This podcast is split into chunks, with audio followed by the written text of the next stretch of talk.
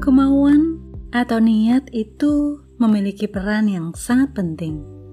Bertemu, bekerja sama, dan melakukan apa pun pasti bisa.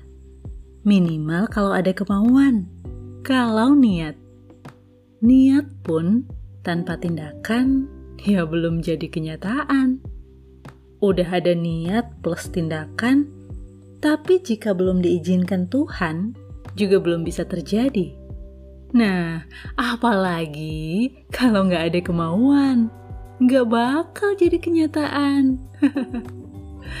jadi, minimal dari kita sendiri yang bergerak, berupaya, bukan berharap selalu dari yang lain ya.